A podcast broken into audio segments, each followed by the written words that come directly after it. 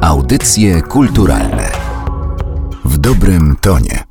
W audycjach kulturalnych będziemy rozmawiać o historii warszawskich cyklistów na przełomie XIX i XX wieku. To jest podtytuł książki Sprężyści, której autorem jest Piotr Kubkowski, rowerzysta, badacz miasta, przede wszystkim miasta Warszawy z Instytutu Kultury Polskiej Uniwersytetu Warszawskiego. Cześć. Cześć, cześć. I na początek myślę, że warto wspomnieć, że książka powstała na podstawie pracy doktorskiej twojej, która została nagrodzona w konkursie Narodowego Centrum Kultury na najlepszy doktorat z dziedziny nauk o kulturze. I mówię o tym dlatego, żeby ci, którzy zetkną się z tą informacją, nie przestraszyli się, że jest to praca doktorska, bardzo naukowa i że nie będą w stanie przez nią przebrnąć.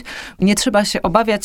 Książka na podstawie pracy doktorskiej jak najbardziej nadaje się do czytania przez e, zwykłych e, śmiertelników, którzy przy okazji mogą się wielu rzeczy dowiedzieć, ale to może później wrócimy do tych bardziej rozległych tematów, a może skupimy się na tym temacie, który książka sugeruje, czyli historii warszawskich cyklistów, współtowarzyszy Pokole i kołowników i takie określenia różne się w tej książce bardzo ciekawe pojawiają, a początkiem jest to, że welocypedy pojawiły się e, na terenie Polski pod zaborami, ale całkiem szybko, bo kiedy powstały pierwsze welocypedy i kiedy trafiły do Warszawy? Tutaj chyba nie trzeba było wiele lat e, czekać na to, żeby ten wynalazek się e, na naszych ulicach pojawił. To jeszcze zależy, o którym etapie rozwoju tej konstrukcji rowerowej mówimy, ponieważ najwcześniejsze takie formy roweropodobne, które bardziej przypominają dzisiejsze rowerki takie dla dzieci, po prostu gdzie człowiek odpychał się nogami, nie było pedałów, po prostu były dwa koła i kierownica, początkowo nawet nieskrętna. To jest y, druga dekada XIX wieku. Natomiast takie konstrukcje, które już bardziej przypominają rowery, najpierw z tym wielkim przednim kołem, pojawiają się już y, na ziemiach polskich tak w miarę popularnie w latach 80. XIX wieku i wtedy właśnie zostaje założone m.in. Warszawskie Towarzystwo Cyklistów w 1886 roku. W tym samym roku, dosłownie chwilę wcześniej, y, powstają pierwsze towarzystwa w Krakowie, w Lwowie. Przy czym to jest taka odmienność Warszawskiego Towarzystwa Cyklistów wobec tych wszystkich klubów, towarzystw galicyjskich, że w Warszawie ono było naprawdę żywotne. Właściwie trwa do dzisiaj formalnie. Dzisiaj to jest jakiś taki dziwny twór, to Warszawskie Towarzystwo Cyklistów, ale istnieje. Jako organizacja istnieje wciąż. W Krakowie, w Lwowie te kluby pojawiały się i po chwili znikały, były zakładane i się rozwiązywały, przekształcały. W zasadzie bardzo trudno prześledzić tę historię. Pewien badacz krakowski, Artur Kurek, dokonał tego, ale ta książka właściwie składa się z takiego kroniki przekształceń z jednej formy w drugą. Z Warszawskim Towarzystwem Cyklistów jest inaczej. To było jedno towarzystwo gigantyczne, liczące od no, nawet kilkuset, blisko tysiąc e, członków na przełomie XIX i XX wieku. Przez pewien moment właściwie jego członkami byli wszyscy warszawscy rowerzyści, cykliści, bo już od e, właśnie przełomu XIX i XX wieku możemy mówić o rowerzystach jako takich, ponieważ też ta konstrukcja, na której jeżdżą ówcześni cykliści, to jest właściwie nasz rower. Ten nasz rower zostaje wymyślony w 1886 roku, na ziemię polskie trafia chwilę później, a popularyzuje się już w latach 90. XIX wieku to jest taki rower, który ma dwa równe koła, pedały, łańcuch i skrętną kierownicę. Czyli w zasadzie to, co ma każdy rower, czy prawie każdy rower dzisiaj. To jest taka nasza konstrukcja. Ale tutaj warto wspomnieć, że to jest ten rower, który dzisiaj nazywamy ostrym kołem, czyli wcale nie tak łatwy w obsłudze. Tak, początkowo to jest ostre koło i myślę, że całe szczęście, że w Warszawie jest e, w miarę płasko. Nie trzeba było pokonywać jakichś istotnych górek, wzniesień, bo to jest, jak wiadomo, zawsze troszeczkę problem na ostrym kole kole, czyli takim rowerze, na którym nie mamy biegów i też nie mamy wolnobiegu, czyli musimy cały czas pedałować. Koło jest na sztywno połączone niejako przez łańcuch, ale na sztywno z pedałami. Ja jeżdżę na zwyczajnym rowerze i mam problem z podjazdem pod tamkę, także zastanawiam się, jak wtedy się podjeżdżało. Jeszcze zresztą do tych ulic warszawskich e, wrócimy, bo to jest osobny temat związany z cyklistami, ale dobrze, jeździli na tym ostrym kole. Tak, chociaż tutaj trzeba od razu powiedzieć, bo powiedziałaś tamka, ale przecież same dynasy, czyli pierwszy adres, no nie pierwszy, drugi adres, ale ten adres głównej, najbardziej znanej siedziby Warszawskiego Towarzystwa Cyklistów, on się mieści właśnie na Skarpie Warszawskiej, na dawnej Skarpie Wiślanej, która jest całkiem poważnym zniesieniem do pokonania i zwłaszcza to miejsce, przy którym właśnie stał pałacyk, był velodrom, były wszystkie sale ćwiczeń i w ogóle całe mnóstwo innych urządzeń, instytucji związanych z warszawskimi cyklistami. Dzisiejsze okolice Uniwersytetu Warszawskiego to jest bardzo stroma górka i oni musieli musieli, jak można sobie wyobrażać, ją pokonywać. Ale tutaj od razu można zadać pytanie, ilu tych członków towarzystwa pochodziło albo jechało od strony Powiśla, które było przecież wtedy e, dzielnicą e, przemysłową, dosyć e, biedną, a z tym egalitaryzmem tego towarzystwa to wcale nie było tak różowo, chociaż mogli do niego należeć również robotnicy po spełnieniu określonych warunków i tacy tam się pojawiali, też mieli bardzo różne historie w związku z należeniem do tego towarzystwa, ale chyba zdecydowana większość to byli jednak ludzie utytułowani, których no, stać było przede wszystkim na te rowery, stać było na to, żeby opłacać te wszystkie składki. Jak to wyglądało? Rzeczywiście Warszawskie Towarzystwo Cyklistów e, składało się w dużej mierze z ludzi z grubymi portfelami. Byli to mm, wśród zwłaszcza grona założycieli e, arystokraci, byli to e, szlachcice, ale byli to też po prostu mieszczanie, często pochodzenia niemieckiego, spolszczeni już w drugim, trzecim pokoleniu. To była główna taka grupa, też najaktywniejsza Warszawskiego Towarzystwa Cyklistów. Z czasem, już zwłaszcza na początku XX wieku, możemy zaobserwować mnóstwo mężczyzn, właśnie mężczyzn, bardzo długo tylko, którzy wstępują do Warszawskiego Towarzystwa Cyklistów, ale pochodzą z klasy robotniczej na przykład. I bardzo często to oni właśnie będą tymi czempionami, to oni będą tymi, którzy laury zwycięstwa e, będą zdobywać na trasach wyścigów, czy to wyścigów właśnie na velodromach, na torach, czy to wyścigów takich dystansowych, takich organizowanych w kraju. To jest taki moment, w którym kryterium bycia cyklistą staje się sprawność fizyczna, a nie przynależność e, stanowa czy klasowa, jak e, było w pierwszych latach funkcjonowania tego Towarzystwa Cyklistów. A jak wyglądali ci warszawscy cykliści? Jak e, radzili sobie z przystosowaniem swojego ubioru do tego, żeby wyruszyć na ulicę Warszawy?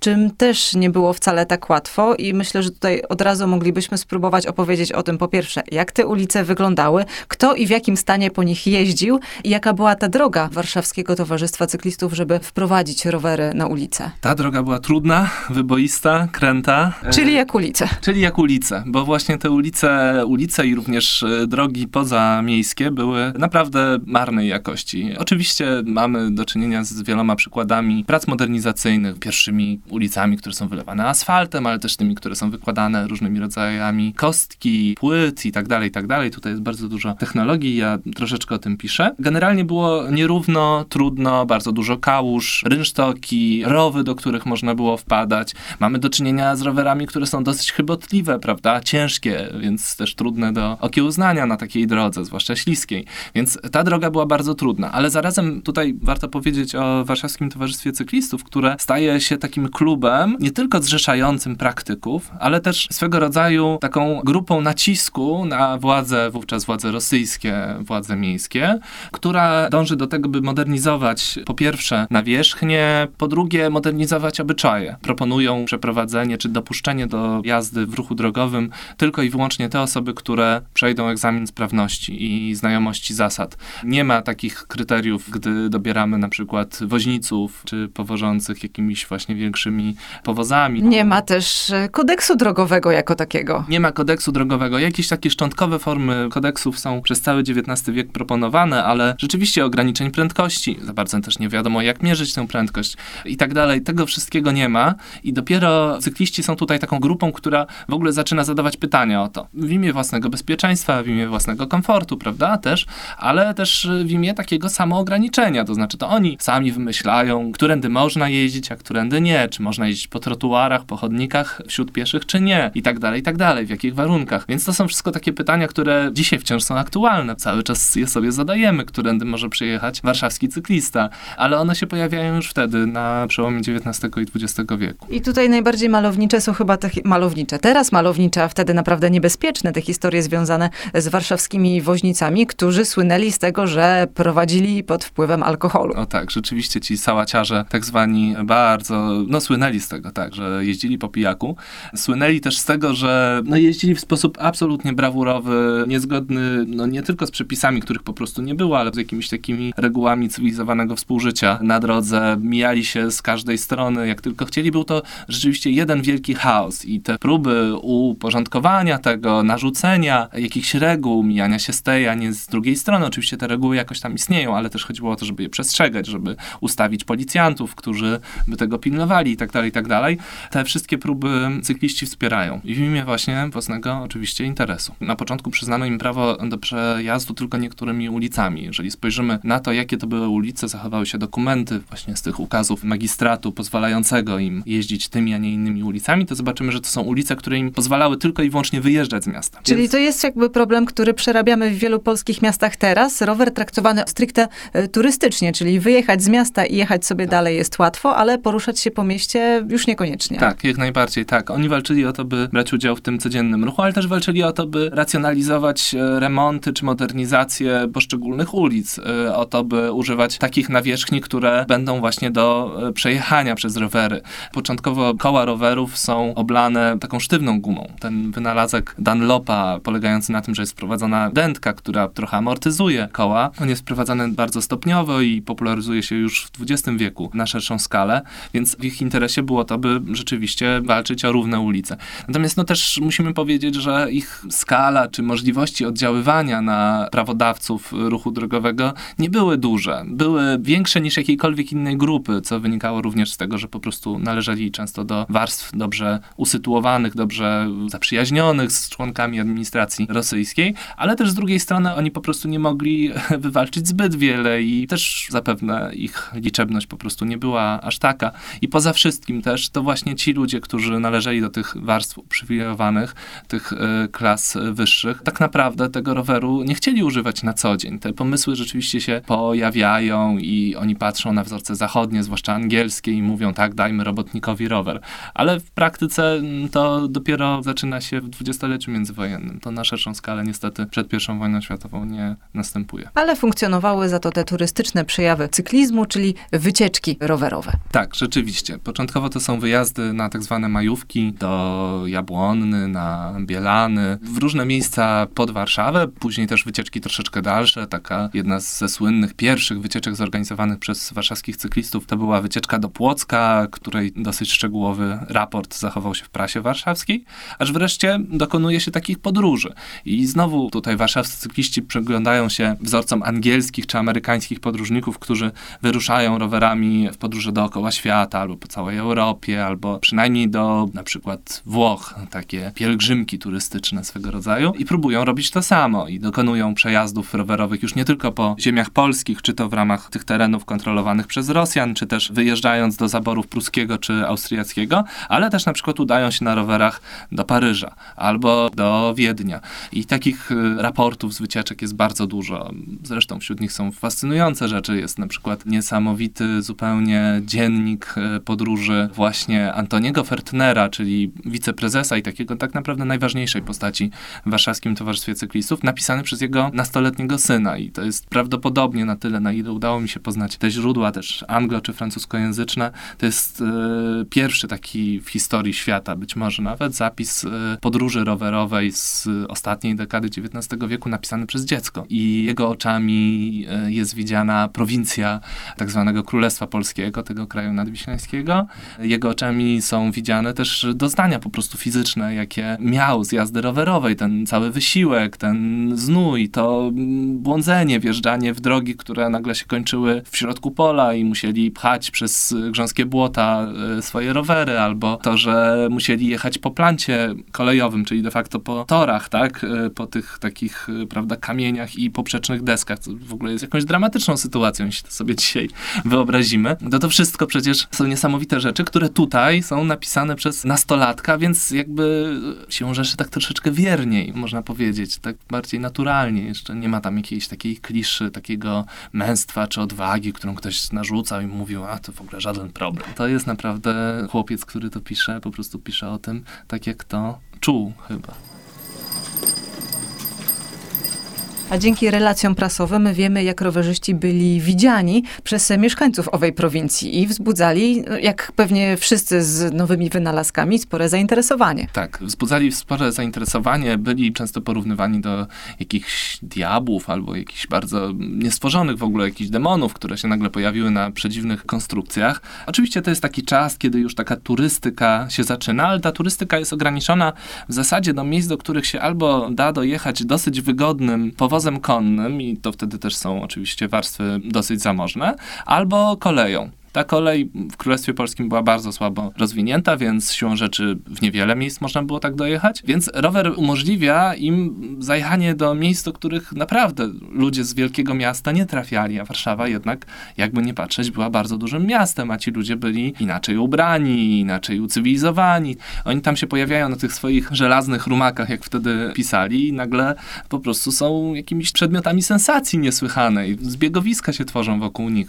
To jest jakiś taki e, przedmiot fascynacji, ale też oczywiście nie tylko fascynacji, bo też e, czegoś takiego, e, co jest odstręczające dla mieszkańców prowincji. To są często miasteczka sztetlowe, zamieszkane w dużej części, jeśli nie w całości, przez Żydów. To są też miasteczka czy wsie zamieszkałe przez chłopów, którzy są dosyć nieruchomi, niekoniecznie właśnie widzą dużo świata i nagle się pojawia u nich ktoś, kto nawet na skalę miejską jest naprawdę w awangardzie, jest po prostu czymś niesłychanym i te reakcje są niesamowite. To są reakcje często jakiejś takiej odrazy, czasem fascynacji, ale czasem też agresji, rzucania kamieniami, szczucia psami i tak dalej. Swoją drogą z tymi psami to jest w ogóle, psy to są bardzo ciekawi mieszkańcy prowincji. Wydaje się, że dzisiaj mamy do czynienia z psami, którym już się rowerzyści opatrzyli i chyba aż tak bardzo my jako rowerzyści ich nie Oj, no nie wiem. No to różnie bywa, ale jednak zdaje się, że to w XIX wieku był problem dla tych pierwszych rowerzystów, taki na dużą skalę i z tym się wiąże nawet taki wynalazek opatentowany bodaj też w latach 90. XIX wieku, wynalazek specjalnego takiego rewolweru, który się trzymało ze sobą zawsze podczas podróży rowerowej, który służył do odstraszania, jeśli nie niestety zabijania tych biednych psów, które po prostu całymi chmarami atakowały rowerzystów po drodze. No a jak wiadomo, rowerzysta jest wobec psa bezbronny bardziej niż pieszy, tak? Znaczy to siłą rzeczy, przez to, że jest zawieszony na tej konstrukcji i tak swobodnie nie może z niej zejść, nie może się bronić na inny sposób. Musiały mieć jakieś ciemne strony również to jeżdżenie na rowerze. Jest mnóstwo tematów, które w tej książce są poruszane, więc ja już chyba z kilku muszę e, zrezygnować, o których chciałam też porozmawiać, bo to naprawdę każdy fragment mógłby być oddzielnym e, odcinkiem i zaraz się przekonamy też o tym, że to nie jest tak naprawdę książka e, tylko i wyłącznie o tych cyklistach. Tak nie mogło być, ale jeszcze jedna sprawa a propos samego tego towarzystwa. Kiedy kobiety zaczęły dołączać do tej grupy cyklistów, czy już rowerzystów, kolarzy? W skali świata, ale też w skali ziem polskich dosyć wcześnie, chociaż dosyć późno są dopuszczone jako pełnoprawne uczestniczki na przykład y, ruchu takiego stowarzyszeniowego, czy na przykład konkurencji kolarskich już takich sportowych. Natomiast y, w takim ruchu turystycznym trzeba pamiętać, że dzisiaj myślimy o rowerze właśnie w taki jeden sposób, że to jest ten rower taki jednoślad, prawda?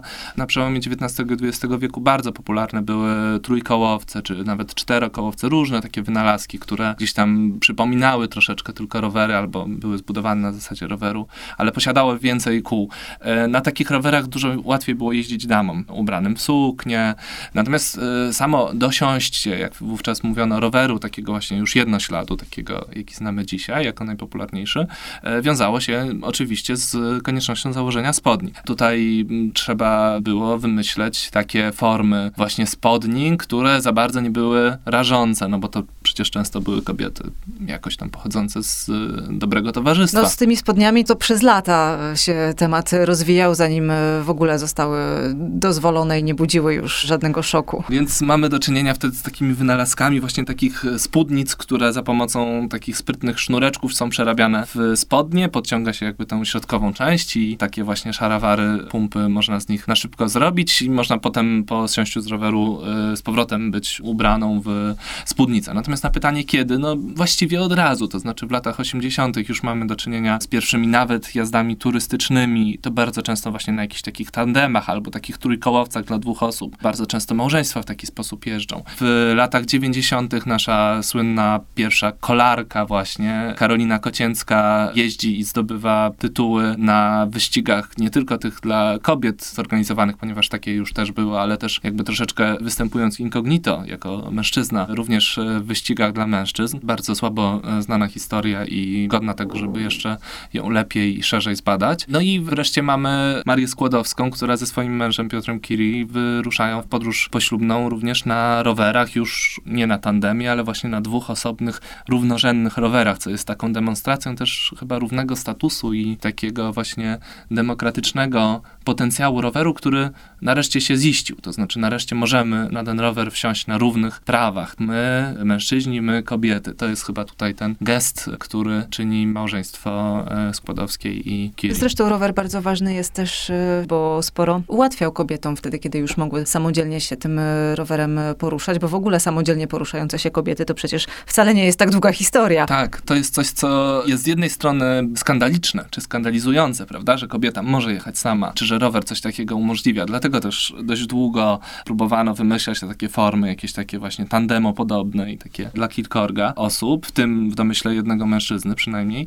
Natomiast rzeczywiście później ten rower staje się takim wehikułem niezależności, autonomii. To jest bardzo wyraźnie pokazane w różnych pismach, felietonach Bolesława Prusa, który promował właśnie takie akty kobiecej niezależności, zwłaszcza tej e, na rowerze. I też należał do Warszawskiego Towarzystwa Cyklistów. Również należał jako honorowy członek e, do Warszawskiego Towarzystwa Cyklistów i też był cyklistą. Być może nie służył rower mu do codziennych przejazdów, ale rzeczywiście się do niego zaliczał, jak również Henryk Sienkiewicz i w ogóle wśród cyklistów znajdziemy bardzo wielu pisarzy. Ale sam ten temat e, w ogóle swego rodzaju romansu na rowerze, to jest podejmowany w literaturze francuskiej, angielskiej, ale też polskiej, właśnie przez Bolesława Prusa, dosyć szeroko. I to był taki topos. To widać, że jakby ta figura była jakoś ważna dla e, ówczesnych ludzi. To była taka opowieść o kobiecie, która wsiada na rower i skoro już wsiądzie na ten rower, to jest niezależna. Skoro jest niezależna, to może sama decydować, czy z tym, czy z tamtym, czy w takich okolicznościach, czy w innych, prawda? Gdzieś wyruszy w podróż, czy w ogóle się spotka. I to jest jakaś rewolucja. Jeżeli do tego dołączymy jeszcze rewolucję właśnie tego oswobodzonego ciała, tak? Tego ciała, które nagle nie musi być już y, spowite w te suknie, w gorset i tak dalej, ale właśnie może być ubrane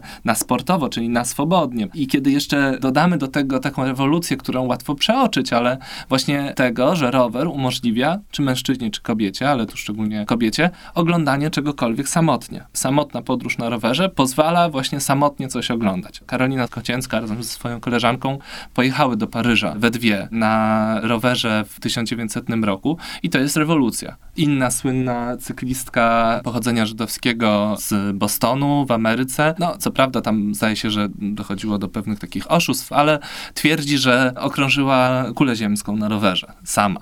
I to jest e, bez względu na to już, czy ona rzeczywiście przejechała Azję, czy większość tej podróży odbyła na statkach, czy koleją jeszcze, to jednak w taką podróż wyruszyła i rower był pretekstem, rower był jakby takim wehikułem, który jej tę wolność niejako dał. Ostatnia jeszcze, bardzo ważna moim zdaniem sprawa, czyli to, że książka Sprężyści jest o tych cyklistach oczywiście, ale ona jest też e, bardzo o Warszawie, bo jakby Warszawskie Towarzystwo Cyklistów e, właśnie e, w tym mieście funkcjonowało i ja naprawdę bardzo dużo się o tej Warszawie dowiedziałam, takich również rzeczy, które były dla mnie zupełnie nieoczywiste i nigdy się nad nimi nie zastanowiłam i uderzyło mnie to w poniedziałek, bo ja w poniedziałek przyjeżdżałam na wolę do pracy i pod urzędem miasta widziałam dzieci śpiewające kolendy na ulicy po prostu. A przecież w tej książce opisujesz, że Warszawa, chociaż była głośna, jeżeli chodzi o te odgłosy miejskie, to pod względem odgłosów ludzkich była miastem bardzo cichym i mieszkańcy Warszawy w przeciwieństwie do Rosjan, którzy właśnie głośno zachowywali się, czy to gdzieś na ulicach, czy w komunikacji, czy śpiewali sobie jakieś piosenki, to warszawiacy prawie w ogóle takich rzeczy nie robili, mało się do siebie odzywali i byli raczej milczącymi e, mieszkańcami miasta. Tak, y, w ogóle odtworzenie jakiejś takiej warstwy dźwiękowej miasta, co mnie jakoś tak interesowało, bo chciałem się zastanowić, czy tych rowerzystów było słychać, czy słychać było dźwięki ostrzegawcze na przykład tych ich maszyn. To odtworzenie jest trudne, jeżeli mówimy o czasach, które y, są 120 lat od nas, ale jednak w różnych takich wspomnieniach, czy tekstach pisanych na bieżąco w tamtej epoce znajdziemy ślady, właśnie opisy tego, co się dzieje w mieście, co można powiedzieć, co można zaśpiewać, y, czy można krzyczeć i tak dalej, i tak dalej. Więc tutaj są dwie rzeczy. Z jednej strony jest tak, że po prostu sam wspólny śpiew albo same okrzyki w języku polskim były jakoś przynajmniej podejrzane, jeśli nie nielegalne w różnych okolicznościach. Przykładowa rzecz, odsłonięcie pomnika Adama Mickiewicza przy krakowskim przedmieściu, zresztą współfundowanego przez Warszawskie Towarzystwo Cyklistów, odbywało się w ciszy. Pozwolono na to zebranie się tysięcy ludzi pod warunkiem, że będzie cicho. Rzeczywiście było cicho. W kompletnej ciszy to się dokonało, ale też e, z drugiej strony zdaje się, tak przynajmniej twierdzą autorzy źródeł, że to była taka forma protestu jakiegoś takiego społecznego. Być może tak było. Milczenie jest godne, takie szlachetne, więc to była taka forma pokazania wyższości zaborcy rosyjskiemu, który był co prawda silniejszy pod względem politycznym, militarnym i tak dalej, i tak ale to był taki sposób manifestacji, jakby trochę takiej wyższości. My możemy możemy sobie pozwolić na to, że milczymy. To my jesteśmy gospodarzami. Nie musimy pokazywać, że to jest nasze, ponieważ to jest nasze. Trudno powiedzieć, na ile takie świadectwa, zwłaszcza formułowane ex post, y, są wiarygodne, na ile nie, ale to się pojawia zbyt często, by tego nie zauważyć, że tak, to było miasto w dużej mierze milczące, to było miasto jakoś takie mm, właśnie ciche i oczywiście wypełnione gdzieś takim gwarem codzienności pewnie też, ale gdzieś jakiejś takiej radości, takich y, dźwięków życia zbiorowego, takich radosnych, witalnych tam chyba nie było. Więc no tak, to jest też taka rzeczywistość, w której e, ci cykliści funkcjonowali. Z drugiej strony oczywiście to, co jest ważne gdzieś tam w tej przestrzeni, to starałem się to jakoś e, zanalizować, zinterpretować, w jaki sposób to ich miejsce, czyli ten pałacyk na Dynasach został zlokalizowany właśnie na skarpie między tą Warszawą najbardziej reprezentacyjną, Traktu Królewskiego, raptem 100-200 metrów od krakowskiego przedmieścia i Nowego Światu, a z drugiej strony 100-200 metrów od tego, co jest niżej, czyli Powiśla, które chociażby z racji tego, że było miejscem takim ryzykownym do mieszkania, zalewanym czasem przez Wisłę, ale też taką dzielnicą silnie uprzemysłowioną, e, zabudowaną przez fabryki, ale też przez domy robotników, biedoty miejskiej po prostu. To jest e, takie miejsce, które pozwala zobaczyć bardzo dużo takich napięć klasowych między warszawiakami właśnie należącymi do wyższej sfery i tymi, którzy należeli do klasy robotniczej, wykorzystywanej często przez właśnie tych zamieszkujących salony na górze. I towarzystwo cyklistów, które jest pomiędzy fizycznie, topograficznie przestrzeni miasta, ono też w swojej strukturze odbija te napięcia. Mówiłaś wcześniej o tych właśnie robotnikach, którzy pretendowali do tego, żeby stawać się członkami e, WTC. Rzeczywiście tacy byli, rzeczywiście często się stawali e, tymi e, członkami, ale to niekoniecznie odbywało się tak gładko. To znaczy widać było, że coś tutaj raziło i to towarzystwo, które chciało być demokratyczne i mówiło od początku, sport jest taki demokratyczny, my jesteśmy tacy nowocześni. To jest trochę opowieść o nowoczesności, którą ci cykliści sobie zadają, a zarazem potem nie bardzo wiedzą, co z tym zrobić, kiedy nagle ci robotnicy naprawdę chcą wstąpić, naprawdę chcą dosiąść tego roweru i naprawdę chcą z nimi brać udział w balu, czy w zabawie, czy w maskaradzie, czy w innych jakichś takich formach. Co z tym zrobić, że nagle jesteśmy tacy demokratyczni, tacy równościowi, ale kiedy trzeba temu komuś podać rękę, to jest, zaczyna być problem. Więc jest bardzo dużo takich y, tutaj napięć i one też się odbijają w samej przestrzeni miasta i w samym tym miejscu, gdzie pałacyk cyklistów jest usytuowany, czyli właśnie pomiędzy tą bogatą Warszawą, a tą najbiedniejszą. I o Warszawie z perspektywy cyklistów y, przeczytacie w książce Sprężyści Piotra Kubkowskiego. To jeszcze geneza tej nazwy, bo o tym w ogóle nie mówiliśmy. Dlaczego oni są sprężyści? Wszyscy o to pytają i to było ryzyko, które podjąłem oczywiście nadając ten tytuł książce, a niestety y, nie do końca y, potrafię odpowiedzieć na to pytanie. To znaczy sprężyści, tak, oni siebie tak nazywali, natomiast nie znalazłem tego samego punktu, w którym to się gdzieś jakoś urodziło. Być może nie ma takiego punktu, być może to jest tak jak czasem różne nazwa. słowa tak spontanicznie gdzieś tam wchodzą w uzus. No więc tak, ta sprężystość z jednej strony na pewno odnosiła się do energii, z jaką działali na wszystkich polach swojej działalności. I to niezaprzeczalnie było zasłużone miano, tak? Podobno oni byli tak nazywani przez ludzi spoza towarzystwa i sami siebie tak określali. Z drugiej strony wydaje mi się, że to jest fajne słowo, bo ono opowiada, chyba oni też tak to czuli wtedy, ona opowiada też, jakby ta sprężyna jest mechanizmem, prawda? Ona gdzieś tutaj opowiada o tym, że to są ludzie, którzy się jednoczą w imię korzystania z jakiegoś wynalazku, z jakiejś maszyny, z jakiegoś mechanizmu. I ta sprężyna też jest o tym. To jest właśnie coś, co się rusza, co jest giętkie i metaforycznie, i bardziej dosłownie. I ta nazwa też funkcjonuje współcześnie, bo retro rowerzyści z Radomia właśnie tak. E, pod nazwą sprężyści funkcjonują. To prawda. Tak jest. To jest taka grupa, która pielęgnuje obyczaje dawnych cyklistów, nie tylko tych z końca XIX wieku, ale już tych po prostu takich wczesno-dwudziestowietrznych, odtwarza czy gromadzi stare rowery i wreszcie próbuje, no niejako jak w takim ruchomym skansenie, troszeczkę wprawić w ruch tę historię cyklizmu. Audycje kulturalne w dobrym tonie.